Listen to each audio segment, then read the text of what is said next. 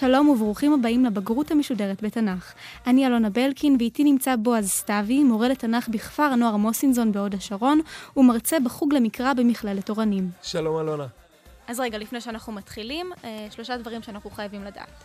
הראשון הוא תיקון סופרים. אנחנו צריכים להבין שלקח הרבה מאוד זמן עד שהטקסט המקראי התגבש בצורה שבה הוא נמצא כיום, מולנו. ואחד הדברים שקשורים בתהליך ההתגבשות והכתיבה זה תיקון סופרים.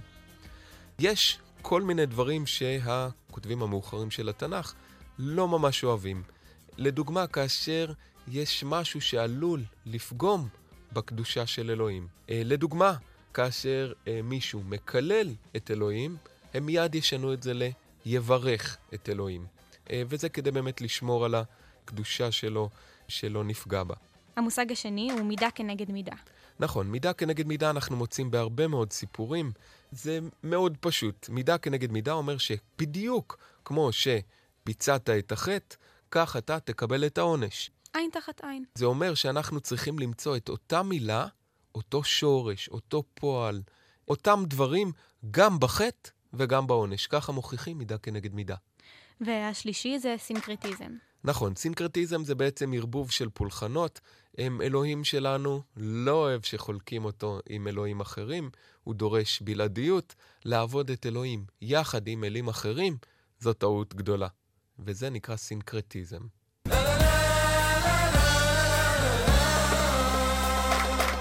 עכשיו נשמע על סופה של הבצורת והמפגש בין אליהו לאחאב, שמתוארים בפרק י"ח מלכים א'.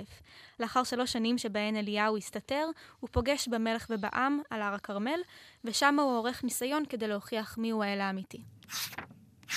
אליהו מבקש שיאספו אל ההר את 400 נביאי הבעל למבחן שיכריע מי האל האמיתי. בו הנביאים יתחרו זה בזה בניסיון להוריד אש מהשמיים שתשרוף את הקורבן. אליהו בטוח בעצמו ומעניק לנביאי הבעל כמה יתרונות. הם רבים ממנו במספר, בוחרים את הקורבן ומתחילים ראשונים בתחרות. ולמרות זאת, אין עשן ואין אש. לאחר הכישלון עולה אליהו מערים על עצמו ועל אלוהים קשיים. בונה תעלה סביב המזבח וממלאה מים, מרטיב את העצים והקורבן על מנת להעצים את הנס. לפתע, אש אלוהים נופלת מהשמיים ומכלה את המזבח. ברגע זה ברור מי האל האמיתי, ואליהו מנצל את הרגע ומורה לעם להרוג את נביאי הבעל. המלך אחאב מבין כי נגמרה הבצורת, וחוזר לארמונו בליווי אליהו. שלושה הישגים נרשמו בפרק. הבצורת הסתיימה, המלך והעם הכירו בעליונות אלוהים על הבעל, ונוצרו יחסי כבוד בין אליהו ואחאב. הגענו לפרק כ"א, במלכים א'. אנחנו פוגשים את אחאב, המלך, שרוצה גינת ירק ליד הארמון שלו. במקרה, יש כרם של בחור שקוראים לו נבות ליד הארמון. אז בפרק הזה אנחנו פוגשים את השיחה ביניהם, שבה אחאב מבקש מנבות את הכרם, שחוזרת על עצמה שלוש פעמים. נכון מאוד. אמ, אנחנו רואים שאחאב מוצג פה כמלך מאוד אה, נהנתן, שרודף אחרי התאוות שלו, והוא פשוט רוצה, ולא מוכן לקבל לו. אמ, השיחה מוצגת בין אחאב לנבות, מוצגת שלוש פעמים. בפעם הראשונה אנחנו פוגשים את הסיפור מנקודת המבט של המספר, וזה אומר שכך באמת קרה. כך באמת קרה. אה, מבקש, בבקשה, אני רוצה לקנות את הכרם, מציע כרם טוב, אה, מציע אה, או כסף, מה שאתה רוצה, רק תן לי את הכרם. אבל נבות עונה לו עם שני טיעונים. הוא מציג טיעון חברתי. באותם ימים אסור היה להעביר חלקת אבות, והוא מציג טיעון דתי. הוא אומר ש... חלילה לא מאלוהים לעשות את הדבר נכון הזה. נכון מאוד. מחאב מאוד מאוד מופתע מהתשובה הזו, הוא לא רגיל שמסרבים לו שוב התאוות והנהנתנות שלו, ולכן הוא חוזר הביתה. בדרך הביתה הוא חושב בפעם השנייה על השיחה. וככה אנחנו רואים אותה בפעם השנייה. וכאן משמיט אחאב את הסיבה הדתית, וזוכר רק את הסיבה החברתית, נחלת אבותיי. אנחנו רואים כבר איך התהליך הזה מתרחש במוחו של אחאב לאט לאט. הוא משנה את התשובה של נבות. לאט לאט משתנה תשובת אה, נבות, כן. כשהוא מגיע הביתה הוא פוגש את אשתו איזבל, ושם היא רואה שפניו נפולים. ואז אנחנו מגיעים לפעם השלישית שמציגים את הסיפור. נכון, איזבל מאוד מופתעת שבעלה נראה ככה, ולכן היא אה, שואלת מה קרה. הוא מספר לה על השיחה, עכשיו הוא משמיט גם את הסיבה הדתית, גם את הסיבה החברתית, ומותיר בעצם רק סיבה אישית. ואומר, לא אתן לך. לך לא אתן. אז אם- נראה שנבות בעצם עשה למלך דווקא. נכון, כאן אנחנו רואים שאיזבל מאוד מתעצבנת וגם לועגת לאחאב, ואומרת לו, ככה אתה מולך בנתינים שלך, והיא מבטיחה שמעכשיו היא תטפל בעניין. נכון, איזבל מאוד לא אוהבת את אופן המלוכה, האופן שבו אה, אחאב שולט. אה, היא מגיעה מבית מלוכה מאוד חשוב של הפיניקים, אזור צור, צידון, אה, ולכן היא, אה. היא אומרת לאחאב, כן, אל תדאג, אני, אני אעשה את זה בשבילך. ומה היא עושה עכשיו? היא מארגנת משפט. אה, במשפט היא מאשימה את נבות בשתי האשמות. ב. כאן אנחנו רואים את תיקון הסופרים בפעולה. היא מאשימה אותו שהוא קילל את המלך וקילל את אלוהים. אבל כשאנחנו קוראים, אנחנו רואים שכתוב ברך. נכון, כדי לשמור על הקדושה של אלוהים. איזבל בעצם מנצלת את חוקי המקרא לטובתה. היא יודעת שמי שמקלל את המלך ומי שמק... מי שמקלל את הנשיא, כתוב, ומי שמקלל את אלוהים, יוצא להורג. היא צריכה את שתי האשמות, כי אם היא תאשים אותו רק בקללת אלוהים, אה, נבות ימות, אבל הוא לא יקבל את הרכוש נכון, כשמקללים את המלך, בעצם המלך מקבל את רכוש של האדם המורד. שקילל. נכון. אה, וכך מתחיל המשפט. אה, איזבל מפעילה את אנשי העיר כנגד, את אנשי עירו של נבות. כנגד נבות, היא מארגנה, מארגנת שני אנשים בני בליעל אה, שמעידים כנגד נבות. אנשי העיר משתפים פעולה, יודעים שמדובר באנשי בליעל, ובכל זאת, הם מוציאים את נבות להורג. אז בעצם האשמים במשפט הזה הם לא רק איזבל ונבות, הם גם אנשי העיר וראשי הקהילה שלקחו חלק בשקר הזה. נכון, ולכן הסיפור הזה כל כך נורא. אחרי שנבות מוצא להורג, איזבל חוזרת לאחאב, מספרת לו בשמחה שהכרם שלו. נכון, אחאב שומע שנבות מת, לא שואל שאלות, הרי פגש אותו לפני זמן לא רב ונבות היה בסדר ואפילו אה, עמד בסירובו, אה, ולכ, ולכן אה, פה בעצם אנחנו גם מתחילים לראות ביקורת ראשונה על אחאב. אחאב יורד לכרם, והכל בסדר, והוא נהנה ממנו. לא, לא מתעסק בכלל בשאלות של איך קרה ולמה. נכון מאוד, וזה תפקידו של אליהו. כשאליהו מגיע, הוא מבשר על העונש של אחאב ואיזבל. נכון. וכאן באמת מתחיל הנאום של אה, אליהו. אליהו פותח את הנאום באמירה הקשה, הרצחת וגם ירשת. אה, לשים לב לביטוי הזה, זה ביטוי שמשמש גם בימינו, ללמוד אותו בקונטקסט, בטק, בקונטקסט של הטקסט וגם אה, באיך משתמשים בו בימינו. ומכאן הוא ממשיך למידה כנגד מידה. הוא מתאר את העונש של אחאב ואיזבל. כשמתארים את המוות של אה, נבות, אנחנו יכולים לראות שהדם שלו נשפך. ובעונש שלהם, שוב פעם משתמשים במילה דם, אומרים, במקום אשר הכלבים ליקקו את דמו של נבות, ילקקו את דמך. אז בעצם, נכון. אנחנו רואים כאן את המידה כנגד מידה בעונש. נכון שאותה מילה מופיעה גם בחטא וגם בעונש. אחאב לא מקבל את הביקורת של אליהו, הוא קורא לו המצאתני אויבי. אה, אז זה רק אישי, אתה בא אליי כי זה אישי, בדיוק כמו שהוא עשה לנבות, הוא עושה עכשיו לאליהו. אליהו אבל אה, לא מסכים וממשיך לבשר את העונשים שיבואו. שגם איזבל תאכל על ידי כלבים, ושהשושלת שלו בעצם תיגמר.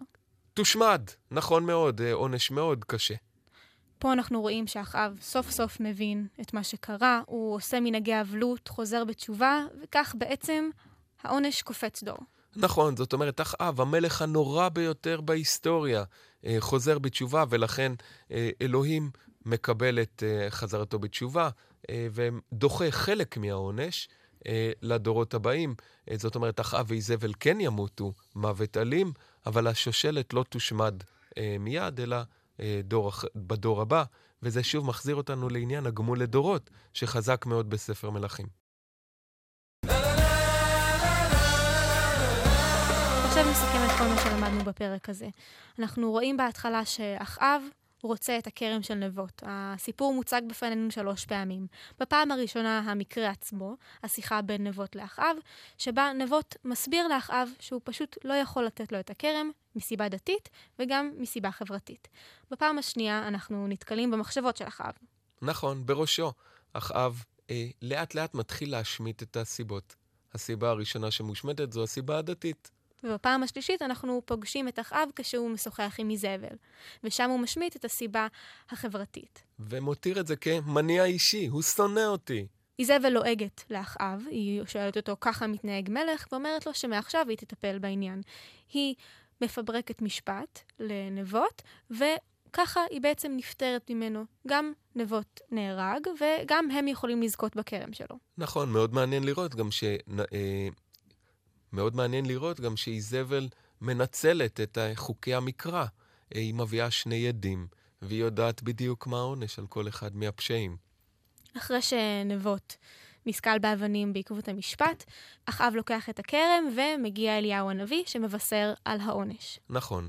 הם, העונש הוא גם אישי כלפי שני הפושעים, אחאב ואיזבל, וגם עונש אל, אה, של סיום השושלת, אה, אבל בעקבות חזרתו בתשובה של אחאב, חלק מהעונש נדחה. קופץ דור. נכון. ועכשיו ניתן כמה טיפים לפרק הזה. בפרק שלנו יש כמה טיפים. אה, דבר ראשון זה מידה כנגד מידה. אנחנו יכולים לראות את זה בעונש שאחאב ואיזבל מקבלים על מות נבות. נכון. אנחנו מזהים שמדובר במידה כנגד מידה באמצעות מילה, שורש, אה, פועל, שמופיעים גם בחטא וגם בעונש. במקרה שלנו אפשר לראות שהמילה שה, היא דם, כן? הדם של נבות נשפך, אה, ולכן גם הדם שלך יישפך באותו מקום. נכון. ועכשיו נעבור לטיפ הבא. הרבה פעמים שואלים על, על המקרה שחוזר שלוש פעמים. נכון מאוד. אנחנו צריכים לדעת לנתח את המקרה, את הדו-שיח, את השיחה בין אחאב לנבות. שמשתנה בכל פעם שמציגים אותה. נכון. אה, אוקיי. אנחנו צריכים לדעת לנתח את השיחה של אחאב ונבות, שמתוארת שלוש פעמים בטקסט. בפעם הראשונה מנקודת מבטו של המחבר. וזה המקרה שקרה באמת. וזה מה שקרה באמת, כי המחבר הוא יודע הכל. המקרה השני זה בראשו של אחאב. שם הוא משמיט את הסיבה הדתית. דתית. ובסוף, באמת בשיחתו עם איזבל, ששם הוא משמיט גם את הסיבה החברתית, ומותיר רק מניע אישי, לא אתן לך את כרמי.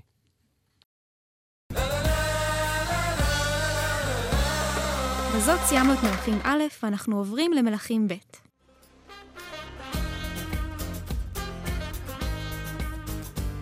ועכשיו נעבור למלכים ב' פרק ט"ו.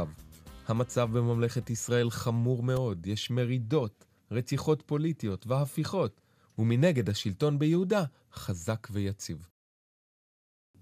עוזיה מלך ביהודה במשך 52 שנים, שלטון ארוך ויציב, לאחר שחלה בצרעת, בנו יותם מחליף אותו ועולה לשלטון. כלומר, בממלכת יהודה הכל מתנהל כשורה. לעומת זאת, בממלכת ישראל פורצות מרידות, מתבצעות רציחות פוליטיות, מלכים קמים ונופלים בזה אחר זה. פרק זה מלמד אותנו על שתי סיבות שבגללן חרבה ממלכת ישראל. הסיבה הישירה היא הכיבוש האשורי.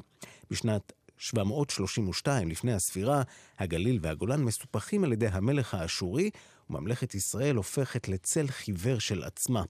בנוסף לכך, ניתן ללמוד מפרק ט"ו שגם אילולא הפלישה האשורית, חורבן ממלכת ישראל היה בלתי נמנע בשל הקיטוב והפלגנות בקרב אנשי הממלכה. עכשיו הגענו לפרק י"ז, שמתחלק לשלושה חלקים. החלק הראשון... החלק הראשון זה החלק ההיסטורי, כן? של ההיסטוריוגרף, שדן אה, בשאלה מדוע חרבה אה, ממלכת ישראל מבחינה היסטוריוגרפית. החלק השני. החלק השני זה פסוקים 7 עד 23, שדנים בחטאים, בחלק ההיסטוריוספי, ועונה בדיוק על אותה שאלה, מדוע חרבה ממלכת ישראל? מציע לזה תשובה דתית. בהקשר הזה גם בדרך כלל שואלים על עמוס, ולכן נלמד את עמוס יחד עם החלק הזה. החלק השלישי? החלק השלישי זה סוף הפרק, 24 עד 41, דן בשומרונים. אז נתחיל בהתחלה. בחלק הראשון אנחנו רואים את ההסבר ההיסטורי. 1 עד 6 שמים דגש על הסיבות ההיסטוריות מדוע חרבה הממלכה. הושע, המלך האחרון של ממלכת ישראל, מפסיק לשלם מיסים לאשור, ובמקביל גם שולח שליחים למצרים. הוא מתכנן מרד.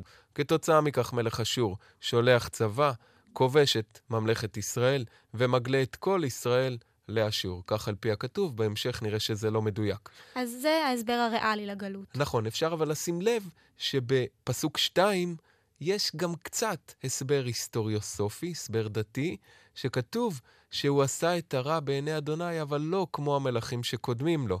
זאת אומרת, בזה רוצה הכותב להדגיש שיש כאן גמול לדורות. חורבן ממלכת ישראל לא קרה רק בגלל מעשה הושע, אלא גם בגלל מעשה קודמיו. ועכשיו, בחלק השני של הפרק, אנחנו מקבלים את ההסבר הדתי. לגמרי, רק הסבר דתי, בין 7 עד 23, על זה הכותב את הדגש שלו, זה הקטע הכי חשוב, הסיבה החשובה ביותר לחורבן הממלכה. אז אנחנו רואים כאן פירוט של החטאים. יש בניית במות, מעשה גויים, העם לא קשוב לנביאים ויש כפיות טובה בין האדם למקום. אנחנו יכולים לראות באמת שכל החטאים המתוארים פה הם חטאים בין אדם למקום, בין אדם לאלוהים. אלה החטאים שהדויטרונומיסט תמיד שם עליהם את הדגש. כאשר אנחנו אה, מתייחסים לחלק השני של הפרק, אה, החלק שדן בחטאים. אנחנו נתייחס גם לספר עמוס, לפרקים ד' וה', שמביאים מסר חדשני בו המוסר עליון על הפולחן. נכון. אה, עמוס בעצם אה, סותר את הטקסט שכתוב בספר מלכים, הוא שם את הדגש יותר על חטאים בין אדם לחברו. הוא כועס מאוד על אנשי האליטה, כן? על פרות הבשן, שאלה הנשים העשירות של שומרון, אה, שעושקות את העניים. זאת אומרת, ההסבר של עמוס לחורבן ממלכת ישראל, עמוס חי אה, כ-80 שנים לפני החורבן, אז ההסבר של עמוס הוא החטאים בין אדם לחברו. בפרק ד' בעמוס אנחנו באמת רואים את, אה, את, אותם, את אותו משל על פרות הבשן, הנשים השמנות והעשירות שחיות בעצם על גבם של האזרחים הקטנים. ומיד אחר כך, מיד אחרי שעמוס אה, נוזף באליטה על כך שהם עושקים את העניים, הוא גם מביא את המסר החדשני שעליו דיברת, אה, שאלוהים לא צריך, או צריך פחות, או לפחות, לכל הפחות צריך באותה מידה, גם את הפולחן וגם את המוסר. זאת אומרת, אי אפשר רק ללכת אה, ולהקריב קורבנות, כשמיד אחר כך אתה אה, פוגע באנשים סביבך. אנחנו רואים בפרק פירוט רב של כל הקורבנות והפעולות שהעם עושה לקראת הפולחן, ואנחנו מבינים שבעצם העם משקיע המון אנרגיה במקומות הלא נכונים. נכון, העם כל הזמן אה, הולך למקדשים, אה, מקריב קורבנות, אבל מיד אחר כך פושע. כתוצאה מכך מגיעה שורה מאוד גדולה של עונשים שכולם כבר קרו, אבל העם לא חוזר בתשובה, לא מבין מה הטעות שהוא עשה, ולכן בסוף פרק ד' מבטיח עמוס אה, חורבן מוחלט, כמו סדום ועמורה. בפרק ה' בספר עמוס אנחנו יכולים לראות את אותו רעיון, שהמוסר גבוה על הפולחן. וזה מגיע בנאום מאוד כועס ומלא רגש שעמוס מעביר לעם. עמוס מצד אחד מציג את המעשים שלהם, ולצד כל מעשה אה, הוא מציג את הרגשות של אלוהים. לדוגמה, החגים שלכם, שונא אותם. תעלו לי עולות, אני לא רוצה אותם. תשאירו לי, הסירו את זה מעליי, לא רוצה כבר את כל השירים. זה החלק הראשון של פרק ה'.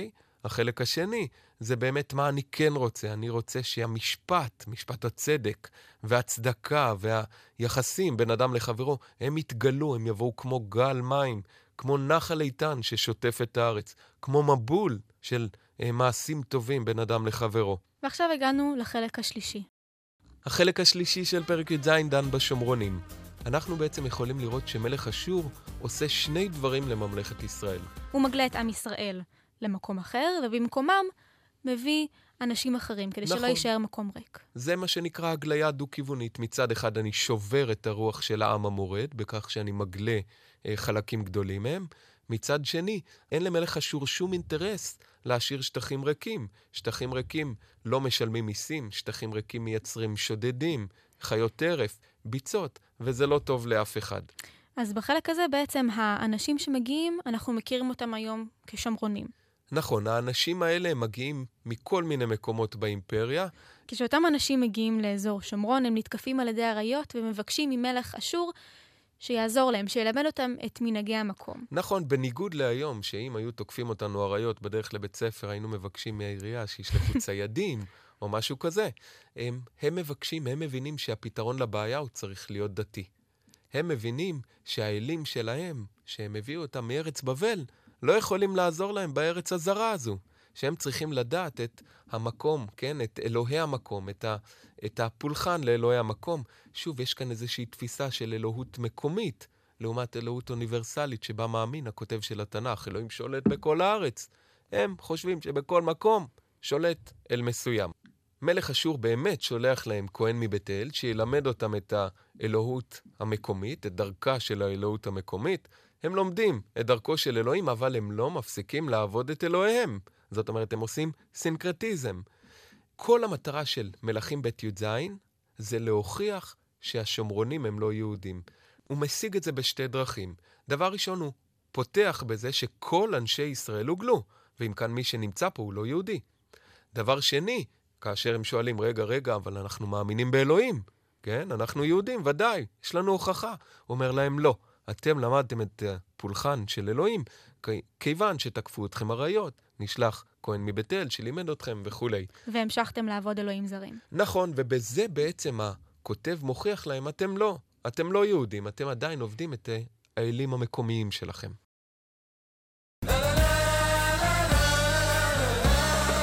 ועכשיו נסכם את כל פרק י"ז שלמדנו, שאמרנו שמתחלק לשלושה חלקים. החלק הראשון הוא ההסבר הריאלי ההיסטוריוגרפי לגלות. נכון, ממלכת ישראל חרבה כי יושע עשה שתי טעויות. הוא הפסיק לשלם מיסים לאשור, והוא קשר קשרים עם מצרים, האויבת של אשור. החלק השני הוא ההסבר הדתי. ופה אנחנו גם קושרים את עמוס. בעוד שהדויטרונומיסט שם דגש על חטאים בין אדם למקום, עמוס שם דגש על המוסר. מוסר לעומת פולחן. והחלק השלישי? שנועד באמת להוכיח שהשומרונים אינם יהודים. ועכשיו לטיפים. שוב, אמרנו שמטרת הפרק היא להוכיח שהשומרונים אינם יהודים. כאן באים לעזרתנו אה, הטקסטים האשוריים. אנחנו אמורים להשוות בין הטקסט המקראי לבין הגרסה של השומרונים לבין הטקסטים האשוריים. השומרונים טוענים, אנחנו צאצאי ישראל, נותרנו, לא יצאנו לגלות, אנחנו לגמרי לגמרי ישראלים. התנ"ך טוען, מה פתאום? כל, כל, עם, כל אנשי ממלכת ישראל גלו, אתם לגמרי הזרים שהובאו מבבל ומקוטה ומכל המקומות. בטקסטים האשורים אנחנו רואים דבר מאוד מעניין. לא כל אנשי ישראל גלו. גלו כ-27 אלף אנשים, שזה אומר משהו כמו בין 10 ל-15 אחוז מהאוכלוסייה. מכאן שמרבית אנשי ישראל נותרו. הטקסטים האשורים גם מוסיפים שהרבה מאוד אנשים הובאו, זרים, הובאו לממלכת ישראל ויושבו באזור שומרון. אז בעצם השימוש שלנו בטקסטים האשורים הם השוואה בין המספרים השונים שמופיעים. נכון מאוד, וזה כמובן מביא אותנו למסקנה חדשה. אז השומרונים הם לא רק ישראלים, והם לא רק זרים, אף אחד מה, מהגרסאות, לא התנ"כית ולא השומרונית, אה, צודקות. בעצם השומרונים הם אוכלוסייה מעורבת, שהייתה מורכבת גם מזרים וגם מישראלים.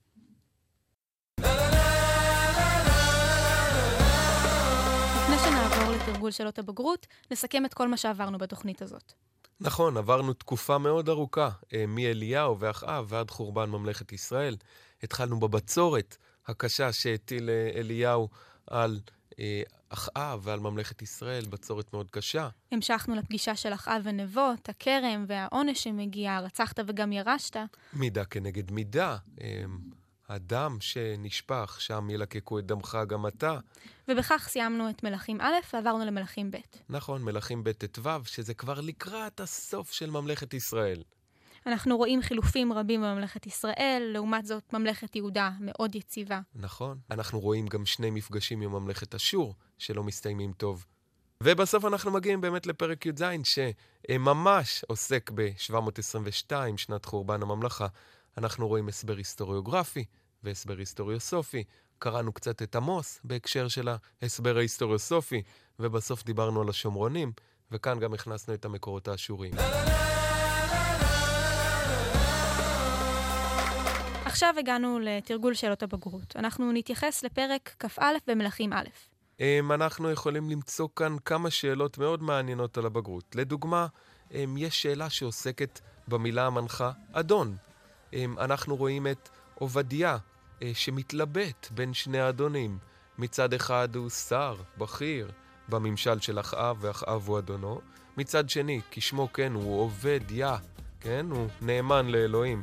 ולכן הוא גם נאמן לאליהו, ולכן הוא קרוע בין שני האדונים. את שניהם הוא מכנה אדון, אה, והוא לא כל כך אה, יודע אחרי מי ללכת. זו המילה המנחה בחלק הזה. נכון מאוד. בדיוק כמו שעם ישראל קרוע בין הבעל ובין אלוהים, ככה עובדיהו אה, קרוע בין שני האדונים.